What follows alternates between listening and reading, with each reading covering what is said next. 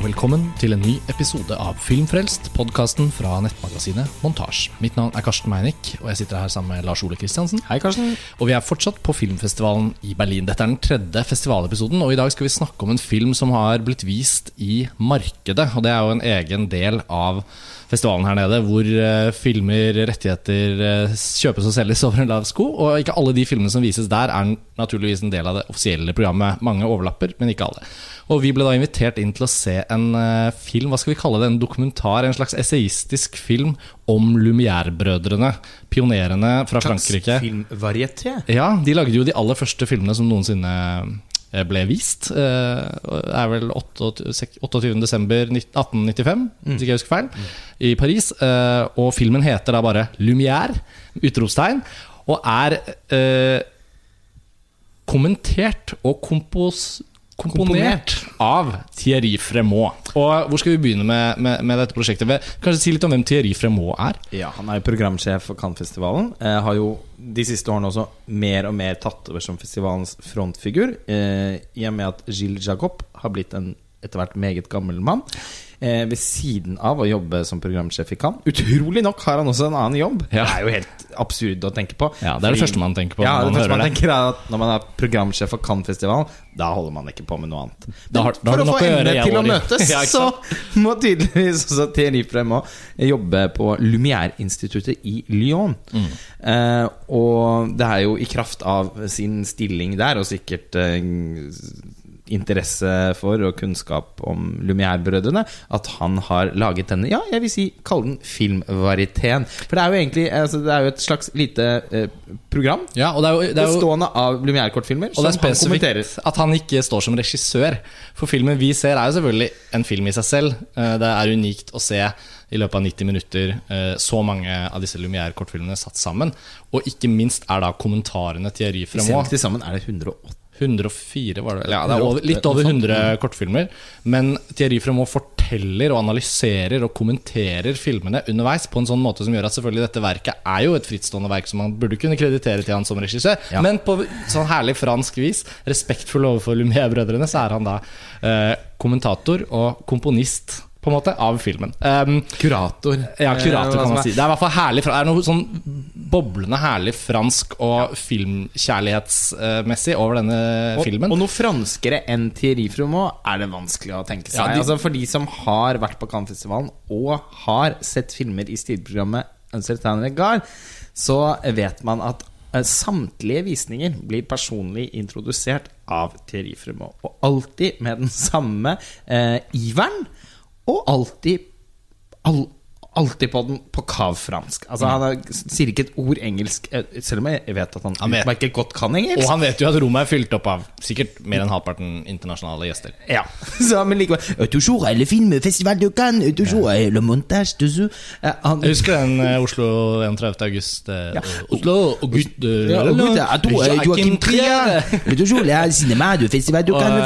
Cannes Og en imitasjon av Thierry Fremont er jo også selvfølgelig et lite sånn kjærlighetsbrev. For det er så herlig å se en så betydningsfull person som har så mye makt, og som har så stor um, innsikt i mange ting, også være et så liksom herlig boblende vesen. Ja, han er meget engasjert. Så vi, så vi vet jo da litt om Thierry Fremont. Når vi da gikk uh, inn i markedsavdelingen av Berlinalen for å se denne filmen, så var det jo en av de første herlige overraskelsene eh, da den begynte, var jo følelsen av at Thierry Fremont virkelig skulle geleide oss. Eh, For jeg var ikke helt trygg på hva slags type film det var. Hvis det var en liksom tradisjonell dokumentarfilm om Lumière-brødrene, så kunne det også vært interessant.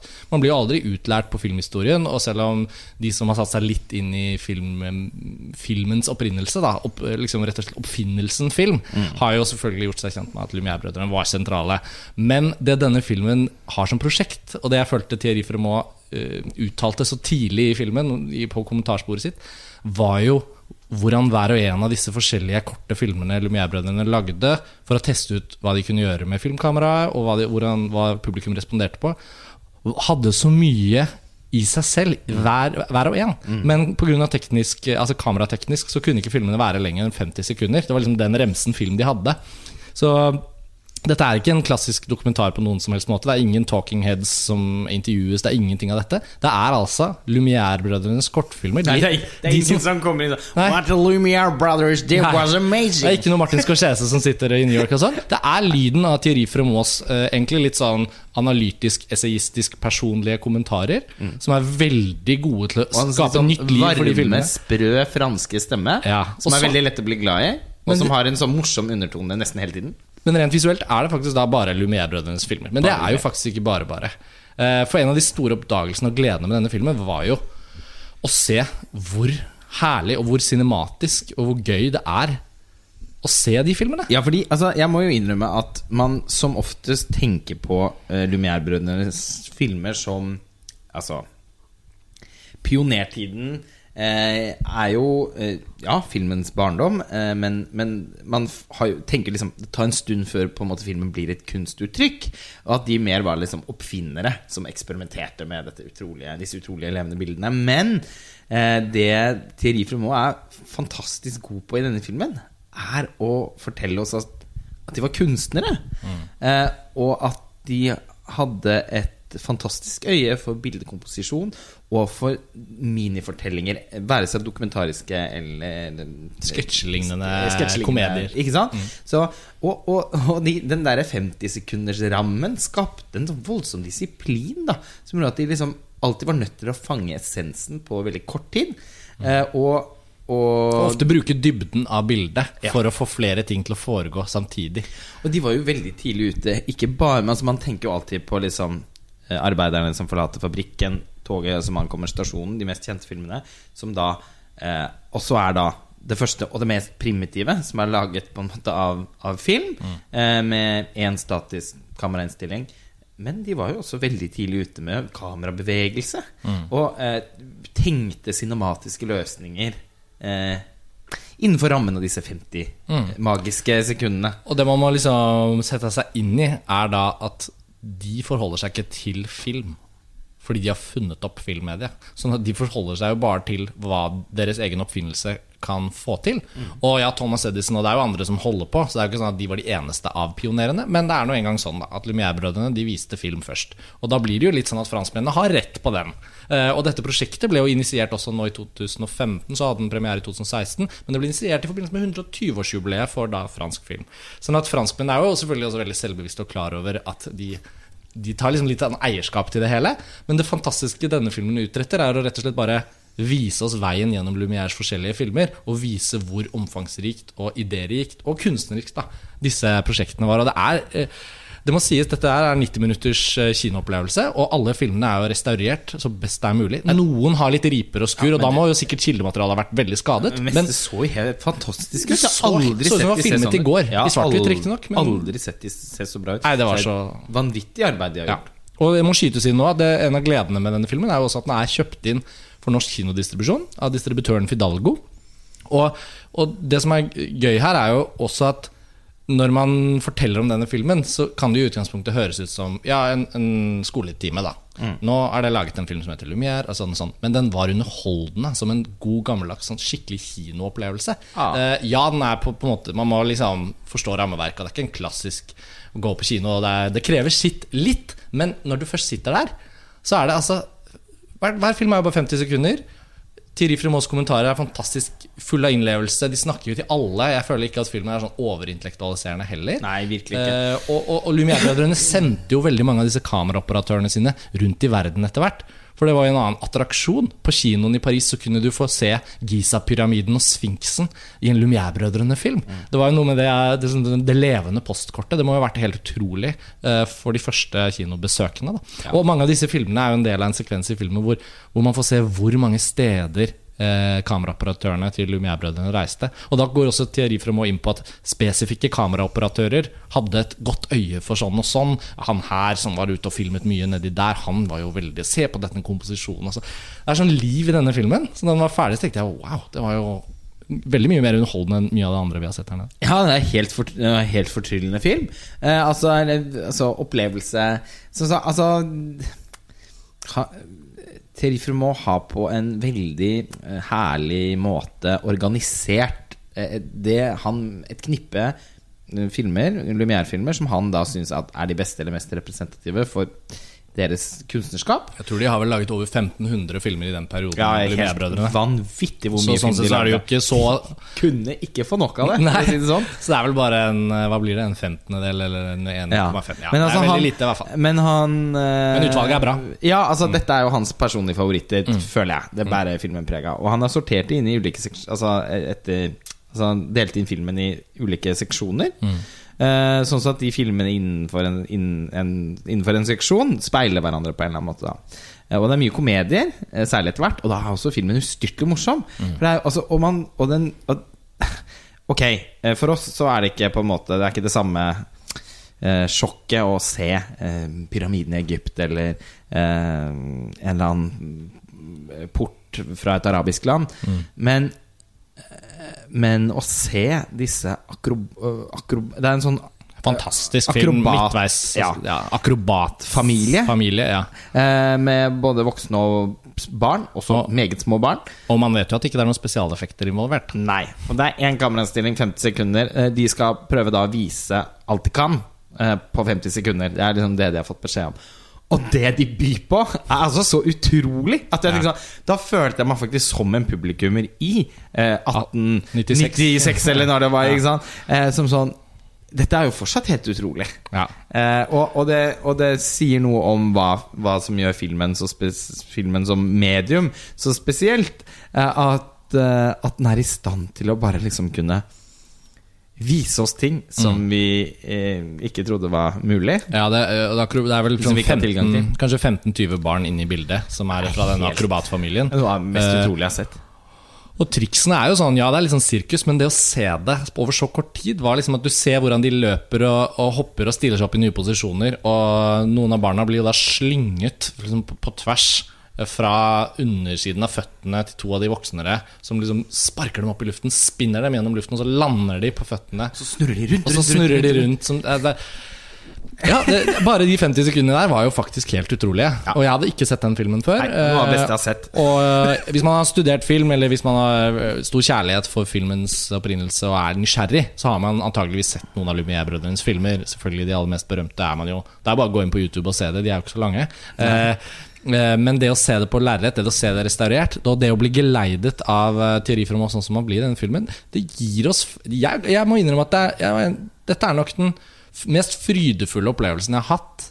Og liksom interesseskapende filmopplevelsen i forhold til filmhistorien på veldig veldig lenge. Ja, samme her. Eh, Jeg har ikke egentlig følt det sånn siden ja, kanskje Mark Cousins Ja, serie. da, det må være sist at noen For der var også formidlingen så glødende Ja. at man, fikk, man, kunne, man kjente at når Mark Cousins viste vei, så var det også lett å interessere seg for noe som virket egentlig veldig obskurt på papiret. Da. Ja. Og det samme gjelder her, at, at eh, alle disse kortfilmene til Lumière kommer virkelig til live igjen gjennom Thierry Frumonts formidling, men de står jo for kvaliteten selv. Det er i filmene, allerede er det der. Ja, og så tenker jeg på at i Mark Cousins sin helt fantastiske serie, og han har jo den, eh, den utrolig merkelige røsten røsten som veldig mange har problemer med. Jeg syns det er en av kvalitetene ved serien at den stemmen er Altså Jeg føler at den bidrar til å hypnotisere meg inn i, i filmhistorien. Eh, but sometimes even Altså, så kan den stemme eh, det, Ja, ja. Jeg vet ikke. Jeg, jeg, jeg kan i hvert fall si at jeg syns at Thierry Frumonts uh, gjennomgang av filmens barndom var betraktelig morsommere enn Mark Cousins sin.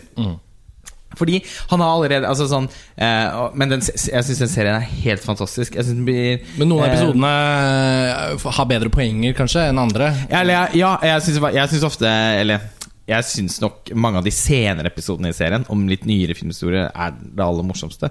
Men eh, uansett så kan man jo føle Fordi at Mark Cousins nettopp har gjort et sånt prosjekt, og så grundig, så kan man nesten føle Kunne man ha endt opp med å føle at denne filmen var helt overflødig? Det var egentlig det som er poenget jeg skal fram til. Og så er den ikke det i det hele tatt. Fordi Terry Frumaas entusiasme for spesifikt Lumière-brødrenes arbeid og hans evne til å lese eh, så mye inn i det de gjør. Uten Og for- at det virker påtatt. Eller ja, sånn. fordi, nei, for det blir ikke sånn. sånn eh, for det kan det ofte bli sånn derre eh, sånn, Se på disse subversive elementene her. Dette må ha betydd at bla, Ja. bla, bla. Det er ikke noe av den Ikke typen- noe av det. Eh, det er bare en sånn veldig presis og som oftest humoristisk ladet eh, observasjon da som han byr på. Eh, liksom, Se her! At kanten på denne bygningen viste seg å, nei, nei, nei, nei, nei. Eh, Legg merke til at av de 5000 soldatene som marsjerte gjennom Chicagos eh, gater, så er det bare fire som ikke har bart. Ja. Og så venter vi på Hæ? Ja. Er du? Jeg tror Det er kjempemorsomt! Det er fantastisk morsomt, den sekvensen der. Men han har også veldig mye humor, syns jeg, i en utrolig film om noen soldater som prøver å vise at de kan hoppe opp på en hest. Eh, som er jo i komedieseksjonen, får vi kalle det, i filmen. Men, eh, men der er han også veldig sånn uh, syrlig og, og er ikke utelukkende på en måte helt opptatt av at det er så presise filmer hele tiden. At, det er gøy, at noe av det som kan være gøy, kan være at det ikke går bra for alle som prøver på en triks i løpet av de 50 sekundene. Og at Se nå, følg med nå. Om fem sekunder så kommer han den rare, som, og så kommer det. Eller f.eks. når noen som ikke vet at eh, det er et filmkamera, blir så nysgjerrig at de ser rett inn i linsen, og så kommer det en sånn hånd foran Foran kamera for å vifte vekk en eller annen nysgjerrig guttunge på gaten. Og da er jo det selvfølgelig kameraoperatøren som Oi, sånn, bort! Kom deg bort. Og det, alt dette her er en del av eh, måten eh, Fremont drar oss inn i filmen på. At han gjør oss oppmerksom på at i hver av disse 50 sekunders filmene i filmens barndom så fins det jo også en dokumentasjon, en slags sånn der indeksikal evne til å fange inn responsen og reaksjonen på det at filmmediet plutselig var der. Og det syns jeg var en veldig sterk del av og, det. og, det, og, så føler jeg virkelig at de, det vi får se, er fra en annen tid. Altså på et eller annet Jeg vet ikke helt Det er sikkert også veldig individuelt når Mm. det liksom tidspunktet slår inn. Men jeg er liksom Når man ser lydfilmer fra Hollywood på 30-tallet, så føler jeg på en måte at det noenlunde er moderne mennesker Mm. som befolker dem. Mm. Men når vi liksom bikker og så når vi er inne på 1800-tallet, Mm. da er det lenge siden. Altså da, føles, da, da får du sånn museumsaktig kvalitet. Bare det å Oi, tenk, det er, så sånn, det er sånn mennesker kledde seg. Det var 20 år til Titanic sank. Ja, altså, men det er jo så innmari lenge siden. Og det er helt Det var en film eh, inni der som, jeg også, som også gjorde kjempeinntrykk på meg. eh, Som Fremont også trakk fram som noe av det vakreste som de hadde lagd.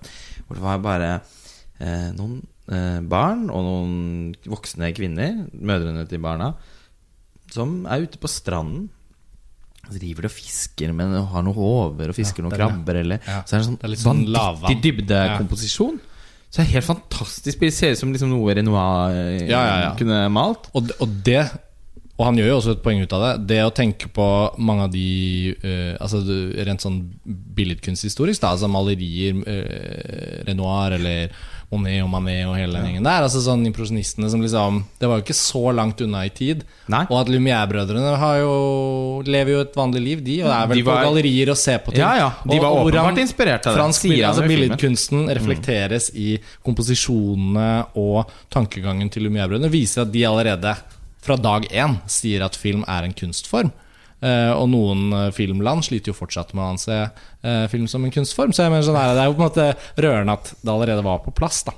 Og Det er jo også det som er fascinerende med tidlig filmhistorie. Én en ting er Lumière-brødrene, selvfølgelig, men hvis vi bare hopper da frem til Uh, Georges Méliès, da, som uh, ble litt mer kjent for det vanlige publikum gjennom Martin Scorseses film 'Hugo Cabret'. Ben King Kingsley spilte Méliès. Uh, men, men den le lekenheten han da allerede var i gang med, så kort tid etter oppfinnelse altså sånn, Egentlig er jo nesten mesteparten av grepene og ideene og hva du kan gjøre med film, var, veldig mye var testet ut på bare de 10-15 første årene. Og så skjer det jo selvfølgelig mye mer, og så blir, oppstår liksom narrative fiksjonsfilmen, som, spillefilmen som konsept og sånn, og klipp Altså alt dette det kommer jo liksom etter hvert. Men, men uh, i denne filmen så får man jo se at Lumière-brødrene alene var jo uh, i gang med masse. Men de hadde jo ikke den tekniske Det var ikke allerede utviklet tekniske muligheter som gjorde at de kunne tenke klipping og parallell Altså alt det der. Men det gikk jo så rasende fort, alt Ja. sammen. Eh, Det er jo mange som har spurt seg om det ah, i ettertid, da. Om kanskje det til og med gikk litt for fort. Eh, Mange har jo f.eks. ment at det er egentlig veldig trist at lydfilmen ikke ble oppfunnet litt senere. Fordi man var akkurat i gang med å eh, Med å skape egentlig Eller med å utforske filmspråket på en mer sånn Altså Det var akkurat sånn at kamera hadde begynt å kunne bevege seg på mer avanserte måter.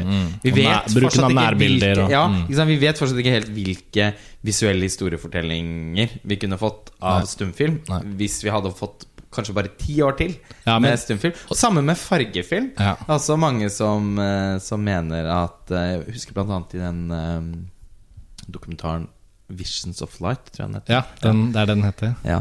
Det er en Eh, veldig, veldig bra film. også. Kjempebra film om, Om- filmfotografi. Hvis, ja, hvis noen samler på dokumentarer om filmskaping Ja, eller filmhistorie. Mm. så er den eh, eh, verdt å anbefale. Nei, har, jeg, på, har jeg fortsatt på VHS. Nei, Men ja, jo. er det sant? Ja, jeg kjøpte den Ja. på VHS back Det-. Ja. Det er utrolig. Jeg har den på DVD. Eh, også veldig mange år siden jeg så den. Eh, som, som i liksom, kanskje snart ti år siden. Mm. Men jeg, jeg avbrøt deg. Men jeg Ja, jeg husker i hvert fall at uh, der òg er det vel et poeng med at, eh, at altså, fargefilmen kom for tidlig. Altså man hadde ennå ikke Altså hadde man bare liksom den uh, at, at fargefilmens inntog på en eller annen måte ødela noe for utforskningen av sort-hvitt-fotografiet. Eh, så er det jo selvfølgelig på en måte det en litt sånn eh, Altså det er jo Det at man har fått en fargefilm, gjør, gjør jo ikke at man ikke kan lage sort-hvitt-film. er Og det at man har fått lyd, gjør ikke at man ikke kan lage stumfilm. Og for noen år siden var det en eh, helt ubetydelig uh, stumfilmpastisj som Mm. het The Artist, som ble så høyt elsket at den vant masse Oscar-priser. Eh, så, så det er jo fortsatt mulig. Men det er noe et, eh, Men det, jeg syns det er interessant å tenke på at eh, eh, At At utviklingen og det, det, Denne filmen er en påminnelse. Bare Mm. at de liksom Hvor raskt de kom i gang med å bevege kameraet. Hvor tenke tenker hva et filmbilde liksom kunne romme. Ja, for det er Gikk så forferdelig fort. Ja, det er sekvenser inni her hvor Thierry Fremont påpeker at en kameraoperatør innså at istedenfor å stå på kaia og filme fiskerne, eller, eller eh, de som eh, skulle om bord til et skip, altså i robåten og sånn Så ja, vent litt, jeg bare blir med i båten. Og plutselig så var det et bevegelig tracking shot og den fantastiske filmen hvor han, fotografen åpenbart har plassert seg i en sånn robåt hvor det er noen matroser som skal ut til skipet, sitter og ror. Og da er jo plutselig kameraet også håndholdt. Eller om ikke håndholdt, så er stativet står i en båt som beveger seg, så det blir jo et litt sånn rykkete bilde. Og den fantastiske filmen fra Vietnam, som også uh, har et uh, hvor, de, hvor de liksom løper mot kameraet. Og så får man fanget inn et sånt fantastisk barneansikt som liksom har en sånn gledesstrålende uttrykk. Um, Arbeiderne forlater fabrikken, De første, liksom. Ja, ok, Det er liksom ganske sånn store totalbilder, og det liksom er én bevegelse midt i bildet. Men i løpet av denne Lumière, da, som eh, Thierry Fremont har laget, så er det åpenbart også at i løpet av da 1895, 1896, 1897, egentlig ikke så mange år, så skjer jo så mye Det er eh, helt utrolig. ut, fra, ut fra hva de forstår, hvordan de kan liksom lage forskjellige typer filmer. den, den filmen eh, gjorde meg Altså Jeg fikk veldig økt respekt faktisk for Lumière-brødrene. Må jeg bare Jeg innrømme at- kjenner jeg litt sånn Jeg blir litt sånn nyfrelst Ja. på Lumière-brødrene. Og den hadde jeg ikke spådd. Nei, jeg ikke. Eh, det- men, jeg, men jeg ble også oppriktig forbauset og på Altså sånn noen ganger, så kan man, ganger så er det sånn at man kan vite ting helt sånn leksikalsk. Ja, altså det året ble det sånn, så var den første kamerakjøringen da. Ja, det skjedde da, ja. Men det er noe helt annet å liksom se det. Og bare, sånn som i denne filmen altså, Og denne filmen er så innmari god på å vise eh, utviklingens hastighet.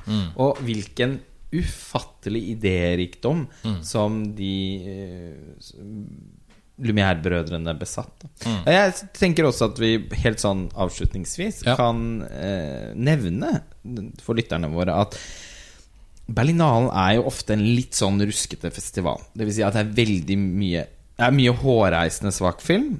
Mye sånn helt sånn middelmådig blæ-film. Så Vi går gjennom ilden for dere. ja. man føler det noen ganger.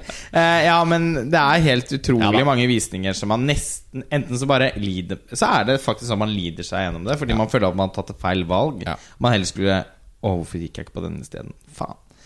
Eller så sitter man bare og liksom Ja, ja, nå får jeg bare prøve å få mest mulig ut av dette. Eh, men i år har vi jo da faktisk, av litt sånn tidligere Berlinale-erfaring, så vet man at det blir ikke samlet sett så mange gullkorn i løpet av festivalen, så at man kan faktisk tillate seg å bruke litt tid på retrospektivene.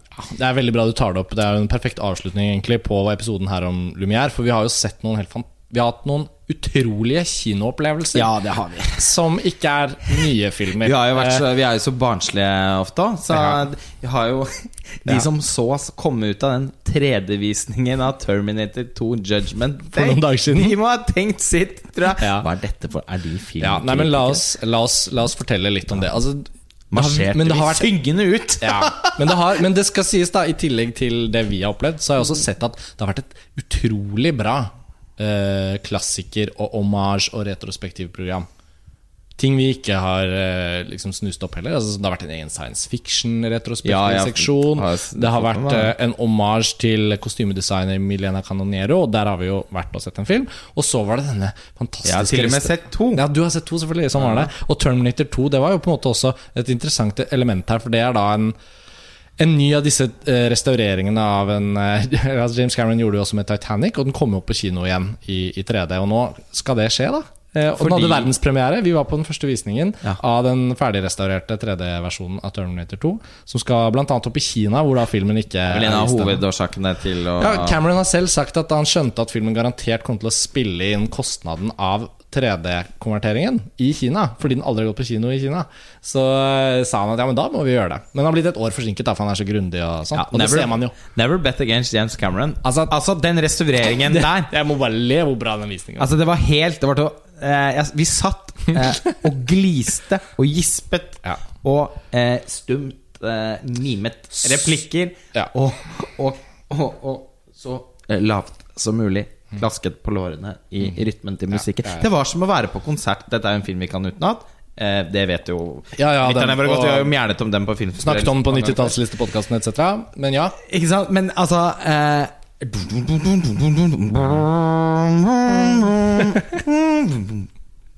altså, Det er ikke en note i den musikken som jeg ikke kan utenat. Altså og må- det samme gjelder for deg. Ja. Og det å sitte der det, med sånn voldsomt høyt volum Ja, i denne fantastiske Cinestar-salen. Ja.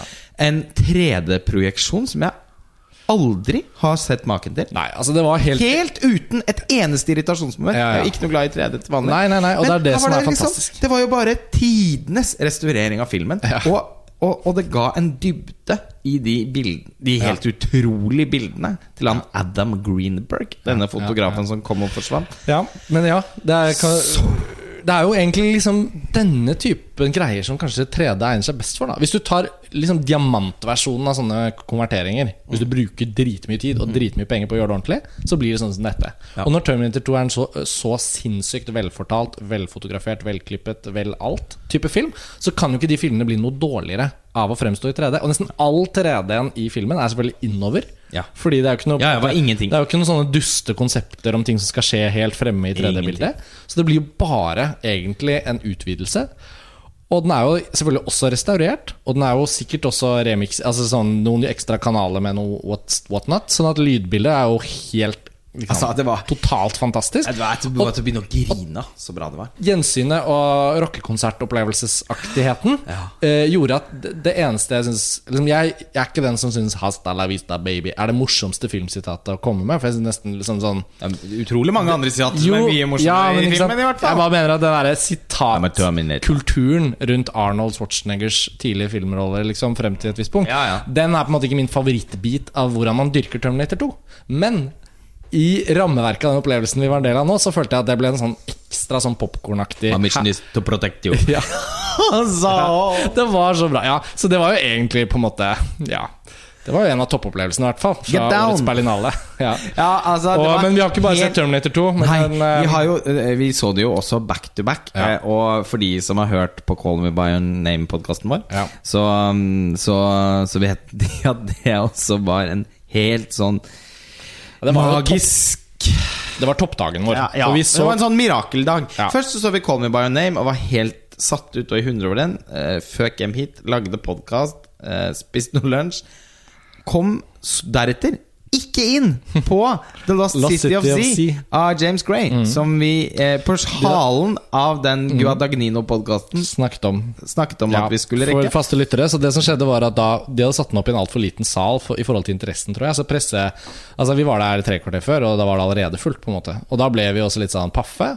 Men så hadde vi jo ofret noe for å gå på Lost City of Z. Og det vi hadde ofret, var den litt sånn lollete sånn Skal vi se Terminator 2, eller? Og plutselig oppsto jeg et vindu. Ja, og, og etter å ha sett det, så tenkte jeg å herregud, tenk om vi hadde valgt bort det. Den Ja. Lost City of Z Noen vi- ganger har man flaks. Den kan vi på en måte litt se når som helst. For. Og kan godt hende det er en kjempeinteressant film. Vi prøvde å se den en gang til. Da havnet vi på feil kino, så det lyktes heller ikke. Ja. Men, men etter Terminator 2 så skulle vi uansett Der hadde vi kjøpt, tatt ut billetter på forhånd. Se Sofia Coppolas Marie Antoinette på 35 mm. Og den er jo Milena Canonero retrospektive. Som en del av Milena Mm. De, som- altså kostymedesigneren eh, til filmen. Det er en av de fire filmene hun har vunnet Oscar for. Og eh, vi er jo begge eh, abnormalt begeistret for den filmen. Mm. det regner Mm. Den som en av mine absolutte um, favorittfilmer. Og den har rukket å bli liksom en da hermetegn gammel film, for da Ja. har det gått liksom Ja. 10-11 år. Jeg så den fem ganger på kino da den kom. Ja. Og det var før DCP-ens tidsalder, så du så den jo på 35. Jeg så den først to ganger i Paris, Mm. i det retrospektivet som var etter Cannes-festivalen det året. Mm. Uh, og så uh, Det var lenge før Cannes var en realitet, for å si det sånn. Uh, og så så jeg den tre ganger på kino på Lillehammer. Og var så Og så har jeg også selvfølgelig sett den mange ganger på DVD etterpå. Nå har den kommet på Blu-ray den har jeg ikke sjekket ut ennå. Men det slo meg i møte med Jeg, jeg syns det var så hindrende vakkert. Eh, det å se den på denne fantastiske 35 mm-kopien At jeg nesten Nesten, nesten Altså sånn Det var nesten så det gikk til å holde ut, Jo, jeg. men det er sånn Jeg fikk helt tårer i øyet av, å bare, si, av å bare, bare sitte og se på de bildene. Og man blir klar over noe her nede når man går på de filmene. Fordi jeg føler For det første er kinoene eh, på Potsdamer Platz, på, som brukes under Berlinalen, er altså så teknisk fantastiske. Er så. Tyskerne er så sykt grundige på alt som har med visningskvalitet og sånn å gjøre. Alle visninger begynner eksakt når, når de skal, hvis ikke det er eh, jurypresidenten er forsinket. Som det var tilfellet på én visning. Ja. Paul Verhoeven kom sånn et kvarter for sent. Og da startet film. Um, men den, eh, man ser jo altfor sjelden 35-kopier lenger. Eh, og til og med på cinematekene da, så er det jo også et sånt fokus på, eh, på ny- nyrestaurerte digitale kopier etc. Så den følelsen av at lerretet nå ble lyst opp av en 35-kopi, og at det var Marie Antoinette, en film som er så eksepsjonelt stofflig og vakkert eh, laget. Eh, så, så var det noe sånn der Ja, jeg liker å bruke det ordet. Det ble litt sånn kirkereligion altså, Ja, sånn, det var det. Det var som å sitte i kirke og høre noe fantastisk Bach på et orgel som bare oh, Dette kan bare Ja. oppleves her. Liksom. Ja, bare. Og, og, og, og det er ikke noe som er sånn gjensidig utelukkende her. Terminator 2 for eksempel Mye større opplevelse å se den nyrestaurerte digitale 3D Ja, ja, ja. enn det ville vært å se den Ja, det, er ikke sånn at, 35 nei, det er ikke sånn at én ting går mot andre. nei. Men å se en film som The New World av Terence Malick for eksempel, Mm. på 35, som jeg gjorde på Cinemateket for et par år siden Å, herregud. Eller eh, Marie Antoinette til Sofia Coppola. Mm. Og da blir det sånn også at jeg tenker Denne filmen kan ikke lages lenger. Eh, For det første, man hadde ikke brukt så mye Å, den var ikke billig. Altså, man, man har ikke og, og man stengte av Versailles hvor mange måneder? For Ja. Hun holdt på Innspillingsperioden var vel nesten et år. Ja, det er Ja, det, utrolig. altså, det er en helt utrolig film. Hun hadde det vinduet etter Lost in Translation som Ja. var som en monstersuksess. Etterpå så har hun på en måte ikke klart å matche det. Hun har laget fantastiske filmer, men har ikke hatt en tilsvarende suksess igjen. Marie Antoinette var jo heller ikke det. Eh, den og bare, altså, den er, det er, må være en av de mest analoge filmene noen gang lagd. Det er som en Versailles-simulator. Ja, det- ja, det er Vers- en bra måte å beskrive det på. i Versailles. Ja, fordi det er ikke noe, det er ikke noe sånn, Den typen sånn bygde sett og sånn, det var det ikke da. Ikke, I hvert fall ikke Nei, hovedsaken. så sånn, ja, det er selvfølgelig en produksjonsdesigner som har gjort ditt og datt, Ja, ja. men, men det, liksom, det er i Versailles. Og den er skutt på 35 mm, og bildene er helt utrolige. Altså sånn, Det er en, som sier, en stofflighet, en tekstur i de Det er til det er virkelig til å miste pusten av. Jeg blir nesten flau på egne vegne over altså, Ikke fordi at jeg alt Jeg har ikke på et eneste tidspunkt sagt noe annet enn at jeg syns at den filmen er helt utrolig. Men jeg begynner, blir nesten sånn skamfull på egne veier på liksom hvor At man litt for ofte eh, trekker fram en film sånn Å, den er så visuelt fantastisk at du kan bare drømme om det i uker. Ja, jo, men, men på det nivå eh, som Marie Antoinette Altså det, som, en visu, som en audiovisuell opplevelse, for det er så fantastisk musikk, da.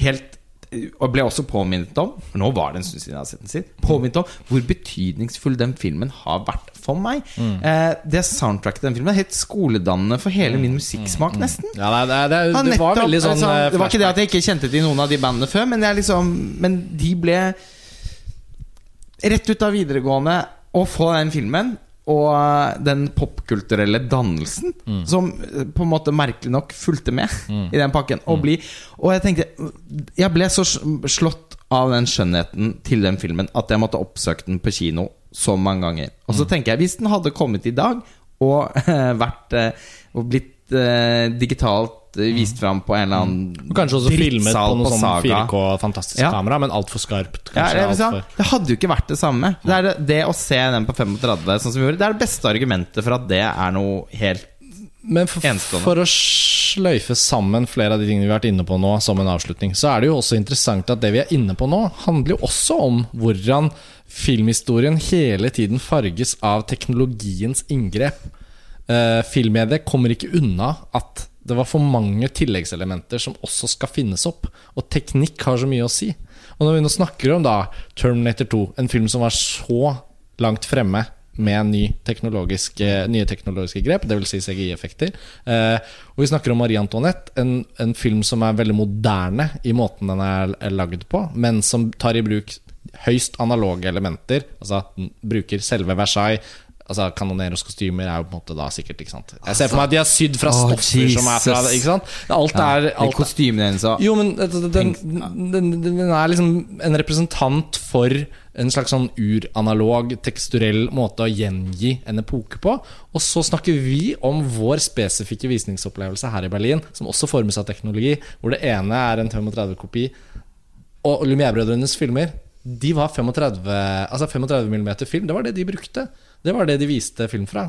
Sånn at liksom den eh, oppfinnelsen de kom med, og som Thierry Fremont hyller i sin film, den har aldri blitt forbedret altså Den har ikke på en måte blitt forbedret i sitt, sin form. Ja, så har man 70 mm og sånn, men sånn så det er liksom sånn et fantastisk speilbilde hvor filmhistorien liksom både sier at den ikke kan forbedre Eller sånn det urgrunnleggende, både i komposisjon og kunstnerisk utforming i Lumière-brødrenes filmer, og formatet de brukte, og da Marie Antoinette som den neste søsken av det.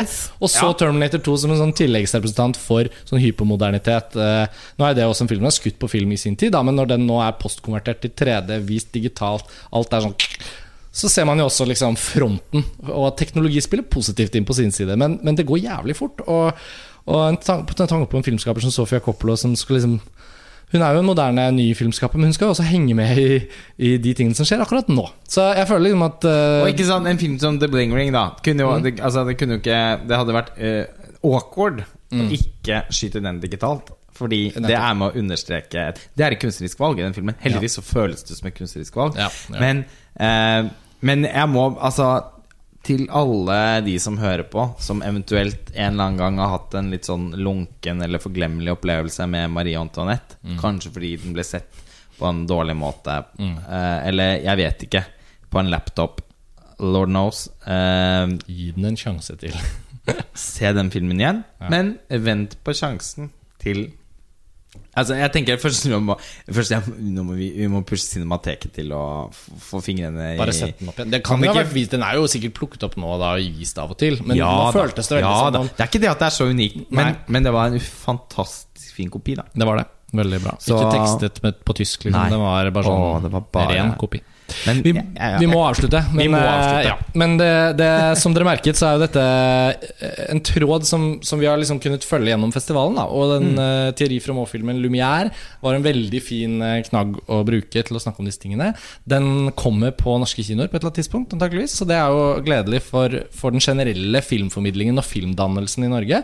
Og så uh, må, må man ha det bak øret hvis man skal til filmfestivalen i Berlin noen gang. At et par, to-tre filmer i det retrospektive eller omarsprogrammet kan ofte være vel så livgivende som en eller annen ny film som er litt ræva. Og det kommer nye kanonerefilmer som vi kanskje kan få med oss også. Jeg har allerede sett 'Chariots of Fire', som også var et, på, på sin måte også et deilig gjensyn. Så um, Festivalen er ikke over ennå. Nei, jeg håper på The Shining. Men eh, det var det for denne gang. Eh, dette var vår episode om gamle filmer, på en måte. Eh, Ja. takk for nå, og takk for at dere hører på. Og vi høres snart igjen. Ha det bra. Ha det bra.